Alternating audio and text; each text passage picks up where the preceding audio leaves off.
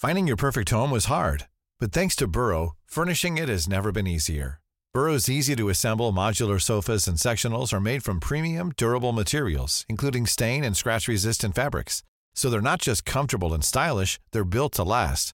Plus, every single Burrow order ships free right to your door. Right now, get 15% off your first order at burrow.com slash ACAST. That's 15% off at burrow.com slash ACAST.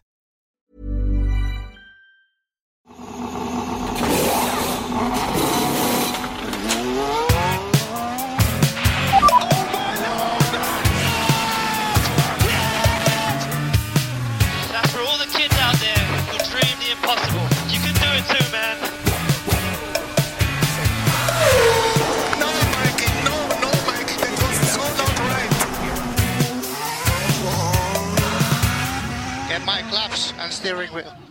Steering wheel, claps and steering wheel here. Så där låter det när eran favoritpodcast, ja nåväl, i alla fall eran favorit F1 podcast eh, drar igång. Det är Plattan i mattan som är tillbaka med, är det avsnitt fyra nu va? Och eh, det har varit en vecka som har varit Formel 1-fri. Och då undrar jag, Anna Andersson, vad har du tagit dig till då? Jag vet inte.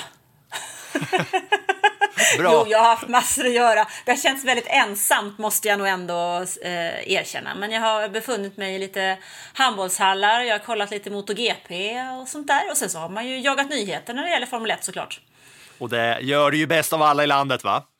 Själv har jag fyllt min eh, F1-kvot med att kolla igenom hela Drive to Survive. Äntligen har jag haft lite tid till att göra det. Innan hade jag bara sett eh, fyra avsnitt, så jag har sett avsnitt 5, 6, 7, 8, 9 och 10 såg jag faktiskt idag.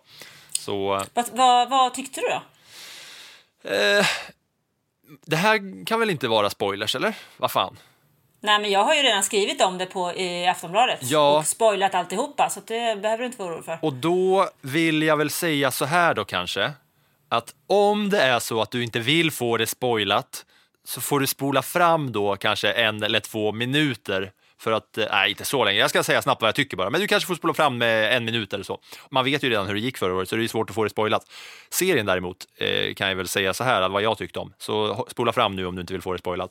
Jag tyckte att de klantade till det lite, att de, de hade ett riktigt bra upplägg alltså från säsongen. Men det var så konstigt när man fick se, liksom, för det som var en av de stora grejerna tyckte jag var Monza-kraschen när Verstappen landade på Lewis huvud. Och första gången så var det bara som en liten grej som de touchade vid lite snabbt för att de fokuserade på något helt annat där. Och sen så kommer det tillbaka senare i avsnitt sju eller åtta eller vad det var. Mm. Ja, men det kan jag hålla med om. Jag tryckte ju hela den här säsongen då innan årets F1-premiär. Eh, och kände väl lite grann att verkligheten faktiskt var bättre än det uppdiktade den här gången. Jag tyckte faktiskt att, att eh, man fick mycket, mycket mer när man följde säsongen intensivt än när man fick den säsong som eh, Drive to Survive serverade efter sitt nyhetstänk. För precis som du så kände jag att jag saknade saker. Det var ju naturligtvis häftigt att se skråmorna på Louis bil efter den kraschen. Men det fanns så många frågetecken som jag kände att de inte ens var i närheten av att rätta ut. Plus att de har med Max Verstappen och det vet vi ju att det måste de ju ha snott från Ja, ja, ja. gamla säsonger. Ja, men det är snott från gamla säsonger, det är snott från presskonferenser och det känns i många lägen helt malplacerat när man har sett fjolårets säsong. Ja, och sen så tyckte jag också, men det är väl mer ett betyg till verkligheten, att de fick inte till den ultimata dramatiken i eh, Abu Dhabi, sista avgörande racet. Jag tyckte att det var, det var mer spännande på riktigt. Även ja. fast jag nu visste hur det gick när jag såg Drive to Survive. Men, men möjlighet, alltså det är många andra gånger under säsongen som jag har känt att det är drama och jag är så här, "Åh, hur, hur, hur, hur ska det gå? Även fast jag visste det.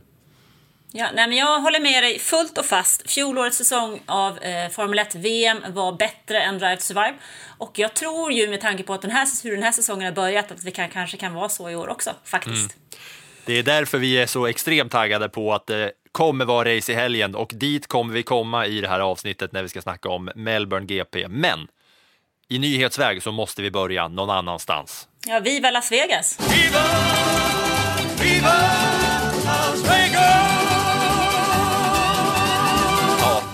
Viva Las Vegas. Det har ju varit på gång ett tag, men det blev officiellt eh, i förra veckan att Formel 1 ska komma tillbaka till Las Vegas för att de har ju kört där förut.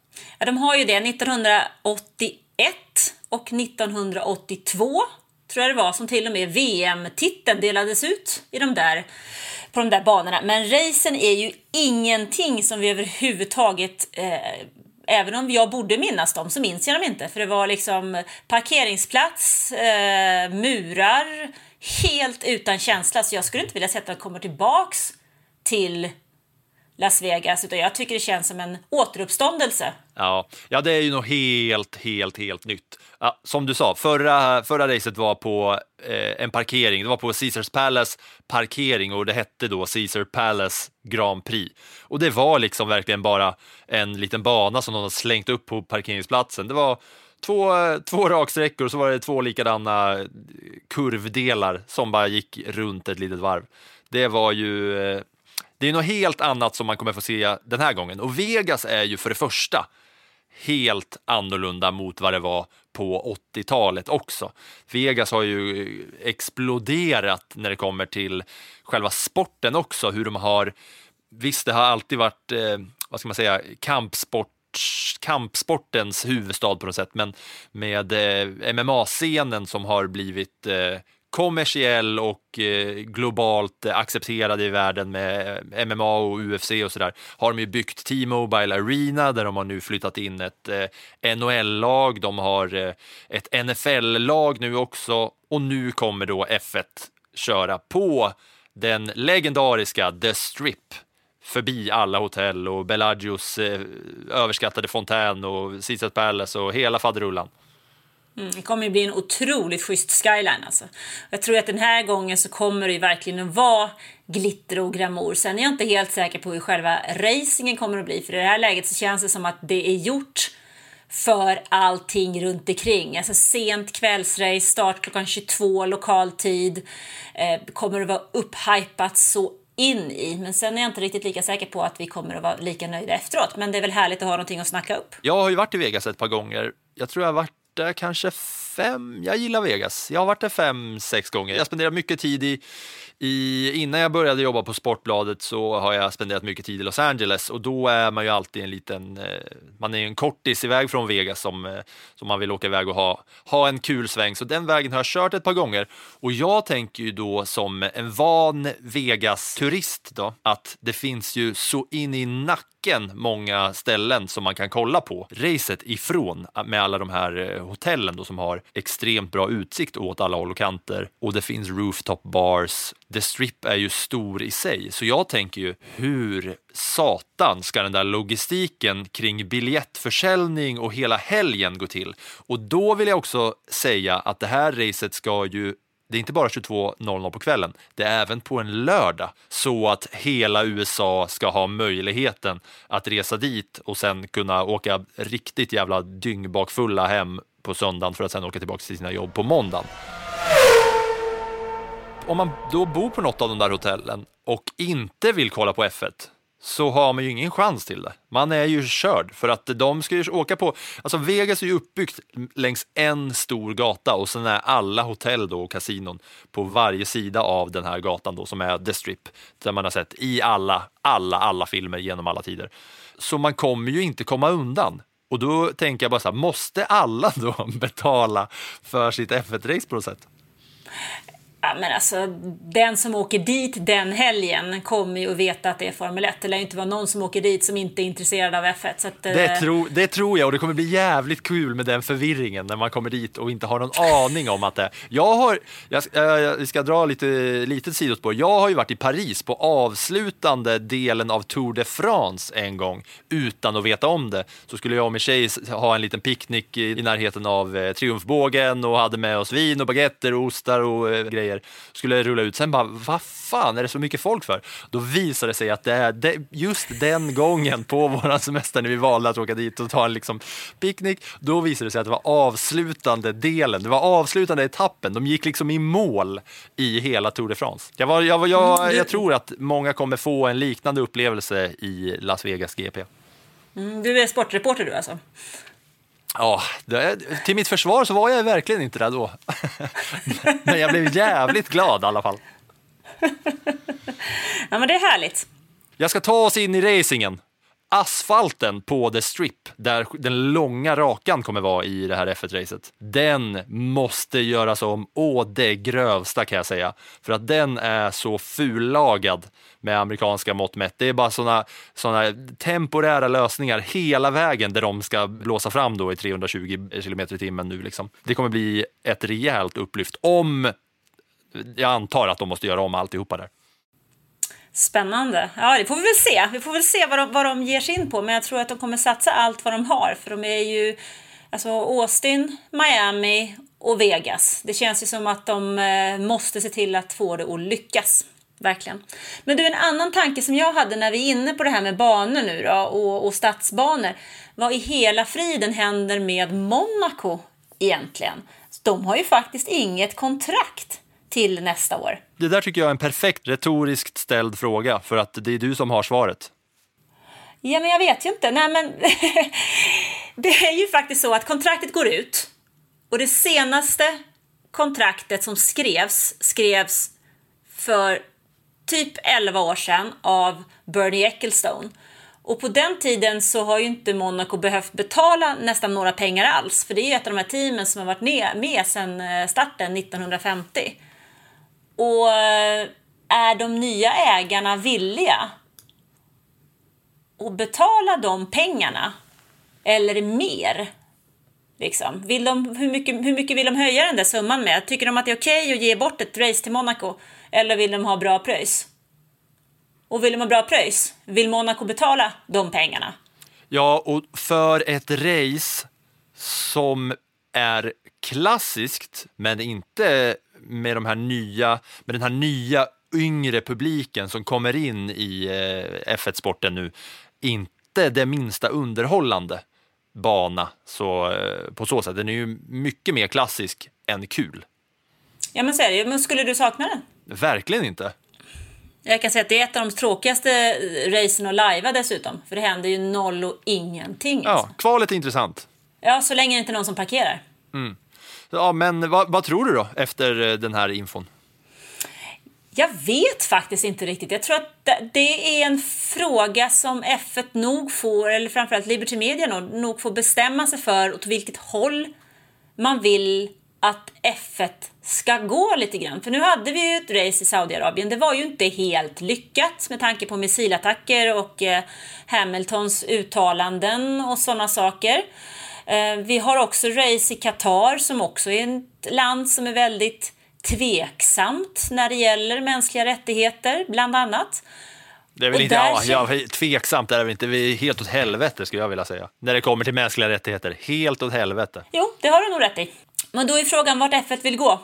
För de får ju, det är där de tjänar pengarna. På Monaco tjänar de inte pengar. Tjänar de... Mm, då, så det där kommer ju vara en penningfråga i slutändan och då handlar det om vart Liberty Media vill gå. Vill man ha med det klassiska eller är det så att de här eh, pengarna är viktiga? Och vad har eh, de här senaste åren kostat Fia? Mm.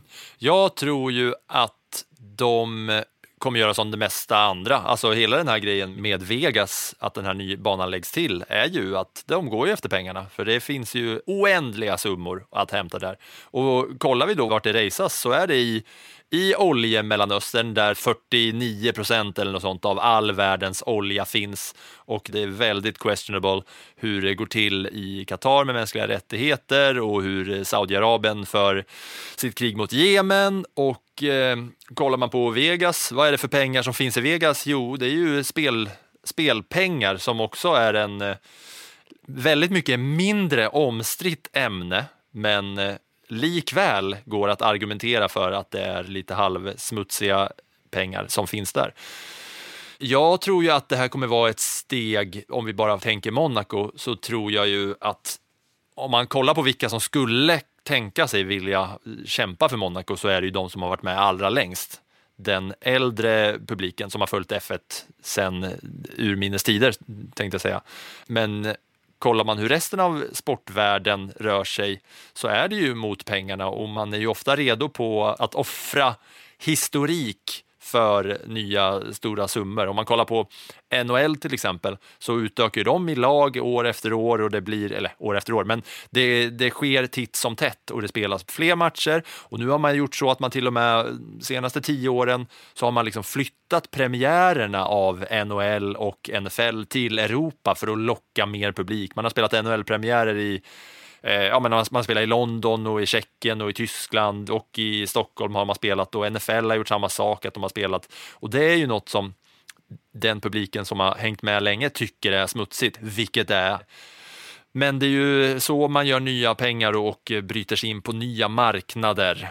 Och eh, där, därför tror ju jag då, som inte är någon slags expert överhuvudtaget, jag tror att de gör som resten av idrottsvärlden. De eh, skiter i Monaco eh, framöver.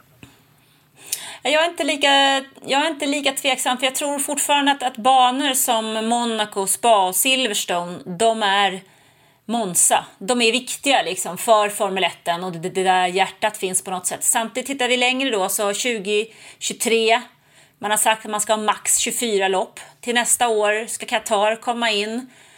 Till nästa år ska Kina komma tillbaka också och vi har Las Vegas och i år har vi 23 lopp. Så någonstans så måste ju saker och ting försvinna. Och Monaco kanske är en av dem. Ja, och de ställena som du nämnde nu bara, om vi pratar om, eh, om det handlar om eh, bankvalitet eller om det är kul racing eller om det handlar om pengar, så är det ju ganska tydligt vad det är som spelar roll här för att eh, få vara med i F1. As a person with a very deep voice, I'm hired all the time for advertising campaigns. But a deep voice doesn't sell B2B, and advertising on the wrong platform doesn't sell B2B either. That's why, if you're a B2B marketer, you should use LinkedIn ads. LinkedIn has the targeting capabilities to help you reach the world's largest professional audience. That's right, over 70 million decision makers all in one place. All the big wigs, then medium wigs, also small wigs who are on the path to becoming big wigs. Okay, that's enough about wigs. LinkedIn ads allows you to focus on getting your B2B message to the right people. So, does that mean you should use ads on LinkedIn instead of hiring me, the man with the deepest voice in the world? Yes. Yes, it does. Get started today and see why LinkedIn is the place to be to be. We'll even give you a $100 credit on your next campaign. Go to linkedin.com slash results to claim your credit. That's linkedin.com slash results. Terms and conditions apply. Helt klart. Med det sagt så vill jag säga, fan vad kul med Vegas F1. Dit jag ska vara där. Hade varit lite kul att köra podden därifrån, på taket. Då kommer det bli eh, video och eh, tv från eh, F1 i Vegas kan jag säga. Mm, Livepodd. Det är klart vi ska. Men det finns mer nyheter och snackisar inför Melbourne, eller hur Anna? Givetvis gör det det. Ganska mycket dessutom tycker jag, för att det har varit en, en eh, vecka utan racing så tycker jag att det har varit eh, mycket sko skojiga saker att diskutera. Vi kan väl börja med eh, F1s viktproblem kanske? Ja, jag har döpt det i mitt lilla dokument här till Viktväktarnas F1 Championship, VM i färgavskrapning. Det är väl lite det det handlar om. Grejen är ju det, om vi tar lite bakgrund till det hela, så har ju vikten på bilarna ökat. Den ligger ju alltså runt 800 kilo i år. Eh, men det är minsta vikten. Och den där minsta vikten, den är det bara Alfa Romeo som klarar. De andra ligger betydligt högre. De är, alltså förstått- over, de är alltså overweight allihopa, utom Alfa Romeo. De, ja, ja, Alfa Romeo är de enda som har väktat in sig. De har ju tidigare, eh, vid andra regler som har gällt, så har ju de ofta legat högt. Men nu så tyckte de att nej 17, så här ska vi inte ha det. Så att de är ju de som faktiskt ligger lägst. Och det har ju skapat ett jätteproblem. Det är fördel för dem naturligtvis, som har ju sett bra ut eh, under de två inledande loppen, i alla fall framförallt premiären. Men team som eh, Red Bull och Mercedes ligger, om jag förstått det hela rätt, runt 15 kilo för högt. Och Ferrari på 10 kilo för mycket. Ja, och, och eh, det ska sägas där om Alfa Romeo, de, de höjde ju, det var ju något eh, slags weight cap som man, eh, som man hade. Eh, Minimal, minsta vikt handlar det ju om, alltså man måste minst väga sig och så mycket. Och då höjde de ju, precis innan premiären så höjdes det ju med tre kilo, vilket alla var för, förutom Alfa Romeo som då röstade emot det, vilket man då kan förstå. Men, men eh, vadå, går det här förbi ostraffat eller? Nej, alltså det, ju, ju tyngre du är, ju högre blir ju varvtiden. Det är ju så att varje gram kostar ju tid. Så då måste man ju hitta en, lösning då för att komma ner där och de här tiden. Och en av de lösningarna som de har, det är ju faktiskt att de har skrapat av färg. Om man tittar på hur bilarna såg ut i Barcelona under de testerna och så tittar man hur de såg ut nu så skiljer det faktiskt en hel del. Man kan se lite grann på vingar och sådana där saker. För att det här är ju ingenting som du kan plocka bort över en natt eller mellan två race. Utan eh, det kan ju ta upp till sommaren innan exempelvis Mercedes har kommit ner dit man ska. Det där tar tid alltså. Det vet vi ju alla som har försökt banta någon gång, vilken tid det tar. Jag trodde du skulle säga, det vet vi alla som har målat om ett vardagsrum någon gång. Ja, usch ja. När man bär, på fär, man bär på den största färgdunken och så tänker man, men fan det här är ju 10 kilo eller 10 liter eller vad fan det är. Och så tänker man, det här måste fan räcka i all evighet. Sen så får man ändå åka där två, tre gånger till och köpa nya färgdunkar. Det väger. Alltså du, jag har ju målat om en trähus i skärgården. Ja. Det är inte roligt med farlig rödfärg. Ja, du Gud det ser. suger. Tänk då om du skulle skrapa bort all den färgen, då skulle huset väga mycket mindre. Eh, då skulle nog inte huset stå kvar. Är det så att ju lättare man blir, desto snabbare blir man då? Eller har det något att göra med de andra delarna eller vart, vart det väger eh, i själva bilen? Alltså det gäller ju att ta bort det på rätt ställe, så är det naturligtvis. Men det, jag är inte rätt kvinna att tala om exakt var Mercedes ska gå och skrapa på sin bil, för det vet jag inte. Men får jag säga så här då? Jag har eh, dragit upp en liten rolig faktaruta här med hur vikten har ändrats de senaste 22 åren. Här har jag viktreglerna från år 2000 och eh, år 2022. Och då, var det ju, då är det ju nu så att bilarna får väga, eller ska väga, eller hur? Tänker jag rätt då? Det är så jävla, jag, är så van i, jag är så van i kampsport när det finns ett tak. Man får inte väga Nej, mer men än. här, F1 är det- här får man man väga ju... mindre. Man får inte väga mindre än. Just det, så nu, nu ska jag ta det helt rätt. Man får alltså nu, 2022, inte väga mindre än 798 kilo bil med förare utan bränsle. Så Mm. Och är då det räknar vi- 798. Ja, och då ska föraren väga 80 kilo. Inte mindre, för vi Mm. Ska då- inte ha förare som bantar. Exakt som eh, Nico Rosberg har pratat om att han ändå gjorde när han bara käkade potatis. Ja, men det var ju en annan. De har ju faktiskt ändrat efter den tiden när, när de hade såna enorma problem nästintill eh, ätstörningar hos många förare så har man faktiskt ändrat eh, reglementet så att de ska klara sig på 80 kilo. För det var ju så himla orättvist där när Felipe Massa vägde 58 och Ja. Marcus Eriksson som var över 1,80. Ja. Han kan ju inte väga 58 kilo, det går ju inte. Nej, och Yuki Tsunoda som är 1,23 lång eh, har vi lite annan vikt än de andra. Men jag, ska komma till jämförelsen här. 2022, eh, 798 kilo. År 2000 så var det 625 som var viktgränsen där. Och då är det alltså en, eh, en increase på 173 kilo mer som bilen måste väga nu. Mycket av det ligger ju i de här nya hybridmotorerna. Där ligger ju enormt mycket vikt. Och det kommer jag till. Här, då var det 110 kilo och nu är det 150 kilo, så det är 40 kilos skillnad bara på motorn. Och det är ju rätt mycket andra delar också i en F1-bil. Ja, 110 kilo eh, år 2000 och 2022 150. Och då säkerheten så är det chassi och lite andra sådana grejer. Där har det höjts med 25 kilo, det var 75 kilo år 2000 och 100 kilo nu. Och sen är det ju ja, däcken då som, eh, som väger 28 kilo mer. De har ju ökat i vikt, däcken, däcken alltså, de har ökat i vikt bara från i fjol till i år. Det är ju en stor skillnad på vikten av däcken faktiskt.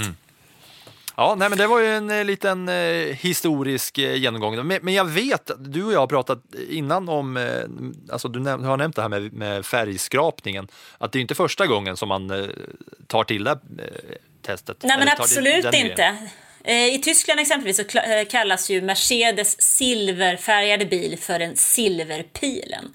Och det går ju faktiskt tillbaks till eh, 1930-talet. För i början, eh, när man började med motorracing, så var det så att bilarna var ofta färgade i de flaggorna som landet hade när de representerades. Tyska eh, bilen var vit, Mercedes hade en vit bil, för tyska fotbollslandslaget spelade också alltid i vitt. Men så kom man här då 1934 till Nürnbergring och då visade det sig att bilen vägde för mycket. Så då fick man ju hitta någonting som kunde göra att man fick starta. Så då skrapade man bort den här vita färgen. Och nästa dag så såg en silverfärgad Mercedes på startlinjen och vann också loppet. Så sen dess heter det Silverpilen. Ja, det är ju eh, innovativt på den tiden, va? Smart tänkt. Ja, man måste vara smart. Det är väl det som Formel 1 handlar om. Utveckling och innovation. Det ska baske mig sägas. Eh, ja, det blir ju spännande att se där då vad som händer. Det är ju också så att eh, Mercedes har väl en ny vinge bak också som de har, eh, alltså om man snackar på det som, eh, ja, det har väl inte bara med vikten att göra. Mercedes har ju haft problem med sitt studsande, men inför, eh, eller mellan då Jeddah och Melbourne så, så har de eh, sagt att de har plockat fram en ny vinge som ska eh, ja, vara bättre för, för deras studsande problem. Ja, vi får väl se. Alltså, jag tror ju fortfarande att det där är inget problem som de kommer lösa över en natt. Den, hela problematiken lär knappast vara löst eh, mellan lopp två och tre, utan jag tror att det kommer att ta tid. Och kostar pengar. Eh, givetvis, men de har ett budgettak som alla andra, så de måste hålla sig till. Så de får tänka efter lite grann. Det går inte bara att sätta på nyheter om man vill. Nej, det blir spännande att se hur det blir med eh, färgskraporna och eh, om de åker fram där i depån inför, inför nästa race. Och då får vi se om vi har eh, samma färg på bilarna som vi hade senast. Ja, vem vet? Vi ser, se, se om vi hittar någon som ligger med här en liten eh, spisskrapa liksom. Mer som har hänt är att eh, det är klart att Vettel är tillbaka. Hulken is no more. Nej. Inte så, Så mycket mer att säga om det, va? Det blir spännande att se. Ja, det tror jag inte så spännande tror jag inte att det blir, utan de lär väl hålla sig där bak, men han är tillbaka i alla fall. Eh, sen har vi ju till Mick Schumacher tillbaka. Han var ju inte med i loppet i Jeddah efter den här fruktansvärda kraschen och nu har ju Ginter Steiner då talat om varför och det var ju för att man vill inte starta Schumacher för, från depån. För risken för ytterligare en krasch var för stor och hade man kraschat en gång till så hade det inte funnits reservdelar för att starta i Melbourne. Och i Melbourne räknar han faktiskt med att det ska kunna bli två bilar på poängplats. Så den banan vill han inte riskera. Och då betyder det att när man startar från depån, då kommer man alltså vara sist. Och om då han hade bättre fart så var han tvungen att köra för, göra många omkörningar och det var det som de såg som riskabelt, särskilt med eh, Schumacher kommandes ur den där smällen då, eller? Ja, alltså ju, det är ju alltid så att ju längre bak du startar, ju större är ju risken för eh, kambolage helt enkelt. Kambolage? Heter det inte så? Eller har Det jag uppfunnit det ordet? Eh, Jag, hopp, jag vet inte. Jag hoppas att du har uppfunnit det och att det är ett ord som används av alla. Det vore det bästa. Kambolage, vad betyder det ens? Ja, jag skulle säga för mig så betyder ordet kambolage att det blir en himla röra och bilar som eh, krockar med varandra. Jag, jag, kan, jag, översätter det till, jag översätter det till Hula Baloo. Vi kommer från lite olika ställen tror jag. Ja, men eh, Günther tror att eh, båda bilarna har chans att ta poäng här. Är det så att den här skiljer sig mycket på något sätt då som gör att Haas har större möjligheter rent racingtekniskt? Då? Ja, men det här är ju en eh, bana som är 51 veckor om året så är det vanliga vägar. Den ligger i en park, eh, i närheten av en park i eh, Melbourne. Jättefint.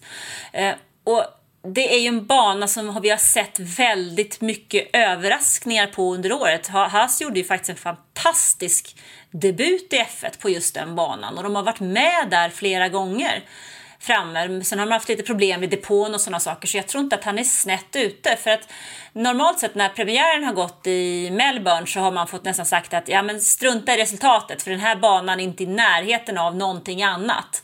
Så att eh, säsongen behöver ju inte alls se ut så som resultattavlan ser ut efter Melbourne. Så att, eh, ja varför inte? Kevin Magnusson har ju stått på pallen där förut. Vi ska definitivt återkomma till Melbourne innan det här avsnittet är eh, slut. Men vi tar en, någon slags eh, nyhet till innan vi tar oss vidare härifrån från nyheterna. Va? Det tycker jag vi kan göra. Och den eh, har ju faktiskt eh, drabbat, höll jag på att säga, Fernando Alonso. För han behöver byta motor. För det, som, det var en Redan? vattenpump. Ja, precis. Det var en vattenpump som eh, var integrerad i motorn och på något sätt, om jag har förstått det hela rätt, liksom har löst sig och eh, hamnat på ett sånt sätt i motorn att man var tvungen att ha behövt öppna den där för att kunna få ut det och då byter man istället motor. Det blir hans tredje motor och tre motorer är vad du får använda på en hel säsong. Oj, och då betyder det sen då att vid nästa motorbyte så kommer de få, eh, är det fem platser man åker på eller? Det beror ju lite på hur många delar i motorn du måste byta. Det där är ju lite känsligt liksom. Så att, eh, det beror ju på exakt vad du måste byta och hur många delar. För det kan ju vara fem platser, det kan vara tio platser, det kan vara start längst bak. Och då är ju han illa ute va? Eller alltså det kan ju vara bra för dem på kort sikt då, men det kan ju bli riktigt tufft mot, mot slutet av säsongen. Ja, om du får ha tre motorer på 23 lopp så är det lite jobbigt att ha bytt tre efter tre. Minst sagt. Men då blickar vi framåt mot Australiens Grand Prix. Okej, då är det alltså så här att på söndag så är det för oss i Sverige ett morgonrace som eh, kommer dra igång redan klockan sju på söndag morgon.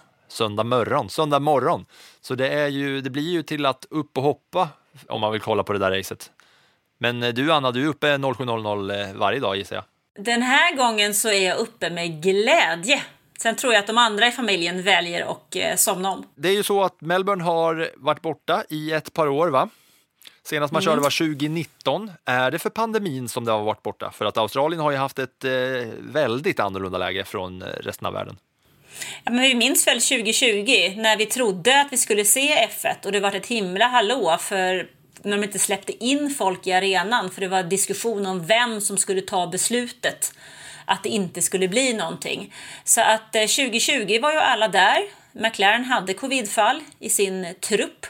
Det blev inget race. 2021, samma sak, blev inget race. Men nu är vi alltså tillbaka igen och det känns ju kul. Och det som är lite intressant, det är ju faktiskt att den här banan eh, har ju behövt fixas till under ganska många år för att man eh, asfalterade den senast 1995 och det har hänt lite sedan dess.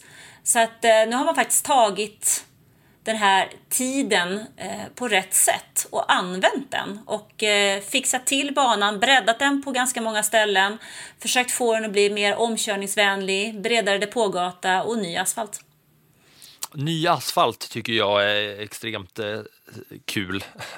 jag vet inte varför, men det är bara, det är bara, jag tycker det är intressant att man, man bygger om hela, hela stan då, att det blir som det blir som härlig boost för alla eftersom att det är vanlig, som du sa tidigare, att det är vanliga, vanliga vägar som man åker på resten av året. Ja, det som är intressant är ju att se hur det funkar med greppnivån. För ibland så kan det vara, ta lite tid för den där asfalten att bli eh, tillräckligt bra för racing. Och det brukar ju faktiskt vara ett problem i Melbourne att det är det man säger att det, liksom, det är lite väl smutsigt i början. Det är lite halt, det är lite svårt att få grepp. Så att eh, varvtiderna förändras väldigt mycket och körförhållandena förändras väldigt mycket under helgen. Men Melbourne är ett av de ställen där det verkligen körs bil när det är F1-helg. Alltså det körs ju från morgon till kväll. Det är mängder av olika klasser. Jag tror man va- känn, känn om jag minns rätt när jag var där senast så, så vaknar man ju till ljudet av racebilar och man somnar till det också. Mhm. Men eh, då tänker jag så här, då är det väl så att när det är ny asfalt så har man kanske inte heller så himla mycket data som man har innan. Även om man har kört där tidigare så är det ju data som, som kanske inte blir lika fullständig nu när asfalten är ny och banan är omgjord på, eh, på en hel del ställen. Nej, det kommer att vara skillnad. De, enligt de beräkningar som gjorts i simulatorn så kommer varvtiden skilja ungefär fem minuter. Fem minuter? Fem sekunder snabbare kommer det gå. Fem minuter har varit jäkligt bra. Nej, men fem sekunder snabbare ungefär ska det gå per varv. Jag har eh, framför mig här de senaste tio vinnarna av Australiens Grand Prix. Vill du höra? Eller kan du säga dem till och med? jag, får en Förra uppgiven mina, jag får en uppgiven mina av Anna här. Fan vad oschysst jag är. Förra gången vet jag att den som vann i alla fall var Valtteri Bottas.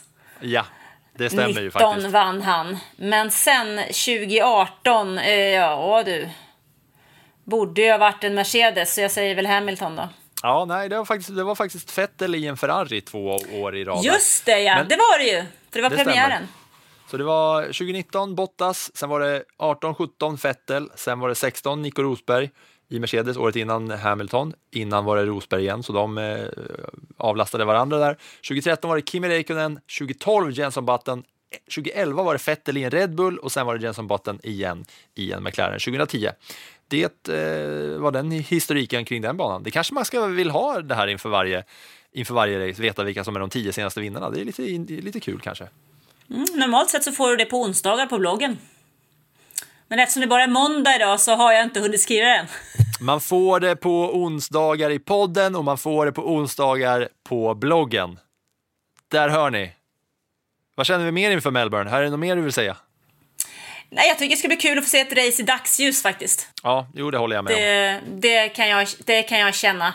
Eh, och sen eh, är jag lite, lite spänd på del tre av följetongen Leclerc-Verstappen. Mm, det är jag också väldigt mycket faktiskt. Det ska bli extremt kul att se hur det där kommer ta sig och om, eh, i och med att Ferrari har gått så bra, ifall Sainz kan hänga med där också vilket han har lyckats göra. Man är ju jätte, jätte, jättespänd på eh, hur det går med Mercedes, om de har fått någon slags ordning på det hela eller om, eller om vi kommer se dem som, som ett team som är lite efter uh, den här säsongen. Ja, så jag tror ju att det kommer att ta en stund till. Jag läste någon uh, kommentar från Toto Wolf också och han sa också det. Det är ingenting som vi vänder på en femöring. Nej. Nej, då har han väl, det har han väl kunskap och belägg för att kunna säga också. Han om någon borde väl veta, är det inte så? Mm. Nej, men, eh, vi blickar framåt mot Melbourne, det ska bli kul och vi, vi ska ha en, en liten del till här innan vi avslutar dagens lite kortare avsnitt. Om ni har kommit så här långt in i våran podd så eh, förstår jag att ni är tillräckligt intresserade av Formel 1 för att eh, ha både intresse och öron och ork för ännu en F1-podd. För det är nämligen så att eh, hos våra vänner på Podmi finns nämligen Viaplay F1 Podcast med Janne Blomqvist och Viaplay-gänget. Och där får ni ännu mer Formel 1 och ännu mer F1-nörderi om man vill snöa in sig ännu mer så för 79 kronor i månaden så kan man prenumerera på Podmi och få massa poddar och däribland då såklart via Play F1 Podcast. Vi kan väl låta Janne Blomqvist själv berätta om eh, hur det går till på Podmi. Viaplay F1 Podcast har precis flyttat till en annan plattform. Vi ligger numera på Podmi. Eh, Podmi som är en betaltjänst. Eh, det vi kan erbjuda däremot är en så kallad prova på-månad. Eh, man går in på, på Podmis hemsida och där kan man regga ett konto.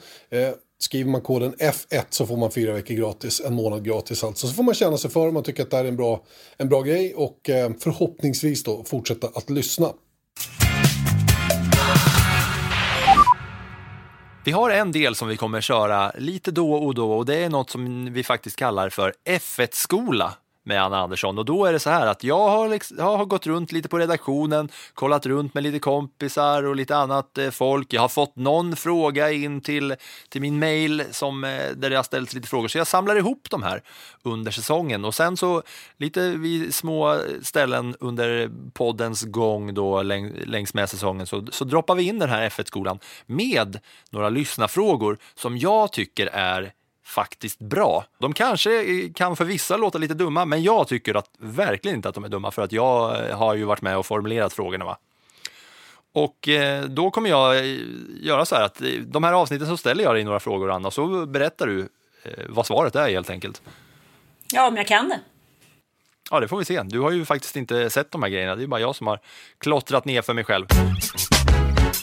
Question. Är en F1-bil fram eller bakhjulsdriven? Eller är den till och med fyrhjulsdriven? Ja, den är bakhjulsdriven. Och det har alltid varit så, eller?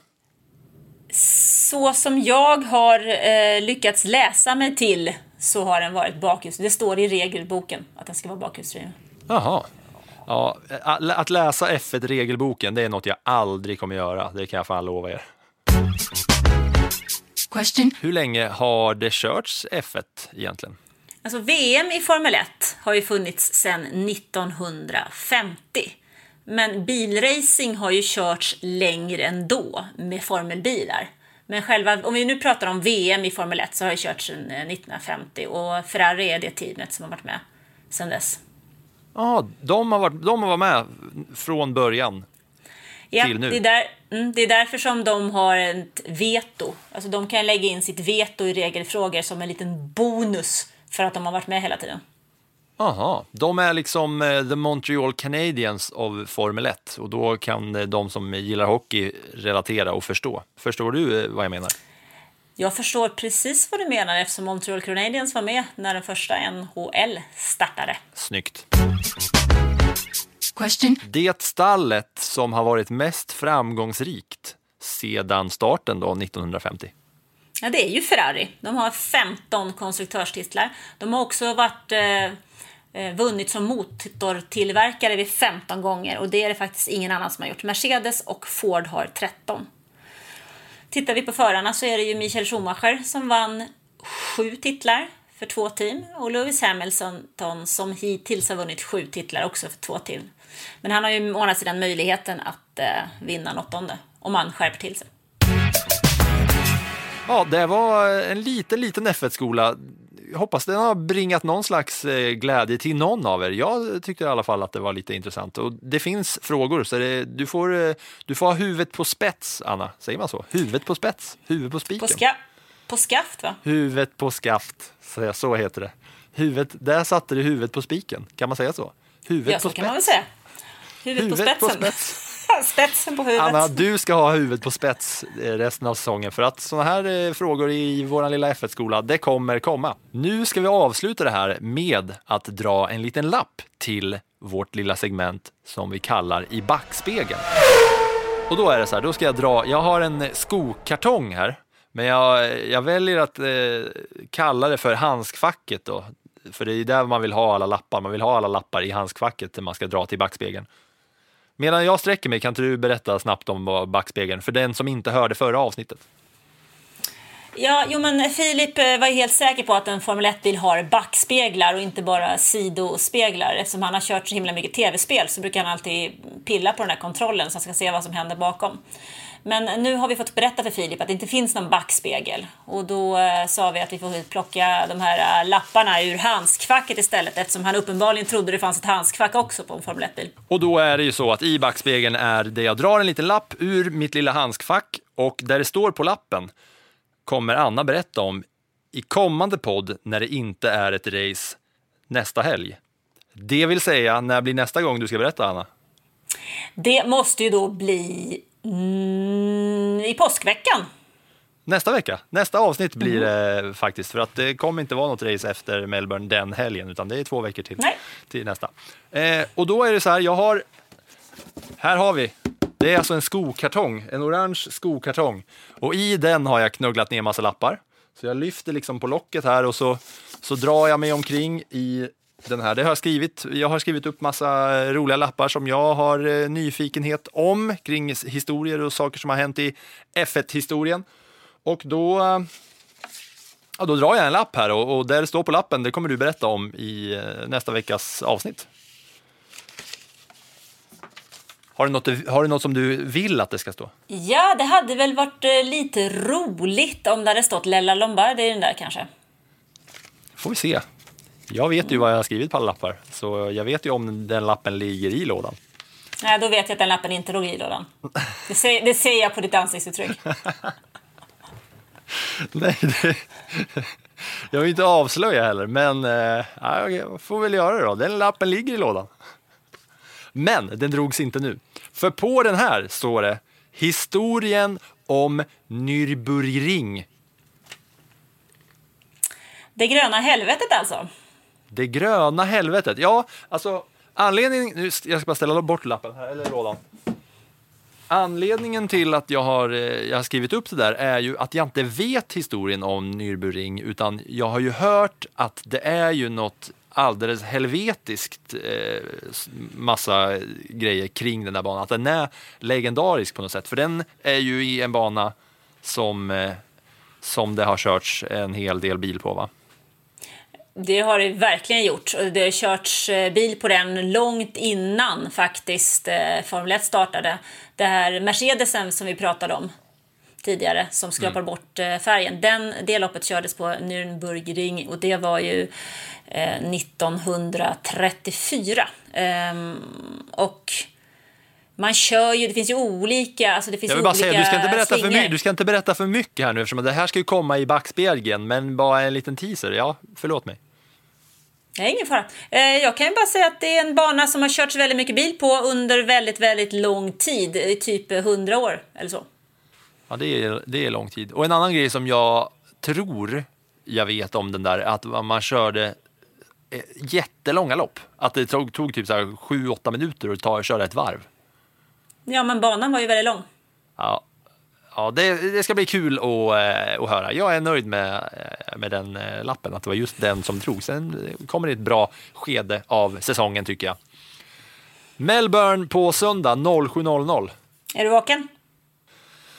Ja, jag jobbar ju till jag jobbar ju till 00.00 kvällen innan på Sportbladet och ska jobba på söndagen också. Men vad gör man väl inte för Formel 1? Det är ju inte som, det blir ju inte som, eh, jag kollar på ganska mycket UFC och MMA och sådär också. Då lyckas jag ju alltid stänga av alla grejer och ta bort alla sociala medier och sådär när jag vet att det har varit ett, för jag kollar alltid dagen efter. Men det här är ju ändå på morgonen så det är ju within reach liksom och man vill ju se det här live väldigt gärna. Så, äh, men det är klart jag är vaken. Härligt, då är vi två. Ska vi eh, tacka för idag och eh, blicka framåt då, Anna? Eller? Det tycker jag absolut att vi gör. Håll utkik på bloggen, Annas blogg på sportbladet.se. Skicka in frågor till antingen mig, filip.lindfors aftonbladet.se eller till anna.c, som i Cesar, spalasgp.andersson aftonbladet.se alltså anna.c.andersson aftonbladet.se och sen ska ni komma ihåg att om ni har F1 tokiga vänner eller bara sådana som har kollat på Drive to Survive och är lite nyfikna på F1, säg till dem, lyssna på plattan i mattan, klicka på prenumerera i era eh, podcastappar, gå in i flera podcastappar och tryck på prenumerera. Och säg till, har ni en farsa som eh, gillar motor eller en mormor som gillar motor, säg åt dem att eh, lyssna på den här podden, visa hur man gör för att eh, det här eh, ska pågå under hela säsongen. Och ni blir fler, det ser vi och det vet vi. Tyckte jag höll på att kackla för länge där i avslutningen, Anna. Ehm, jag tycker att vi överlag har kacklat för länge då. Ja, det är ju en tendens, va? men eh, det är ju kul ändå. Nu säger vi tack och adjö. Auf Wiedersehen.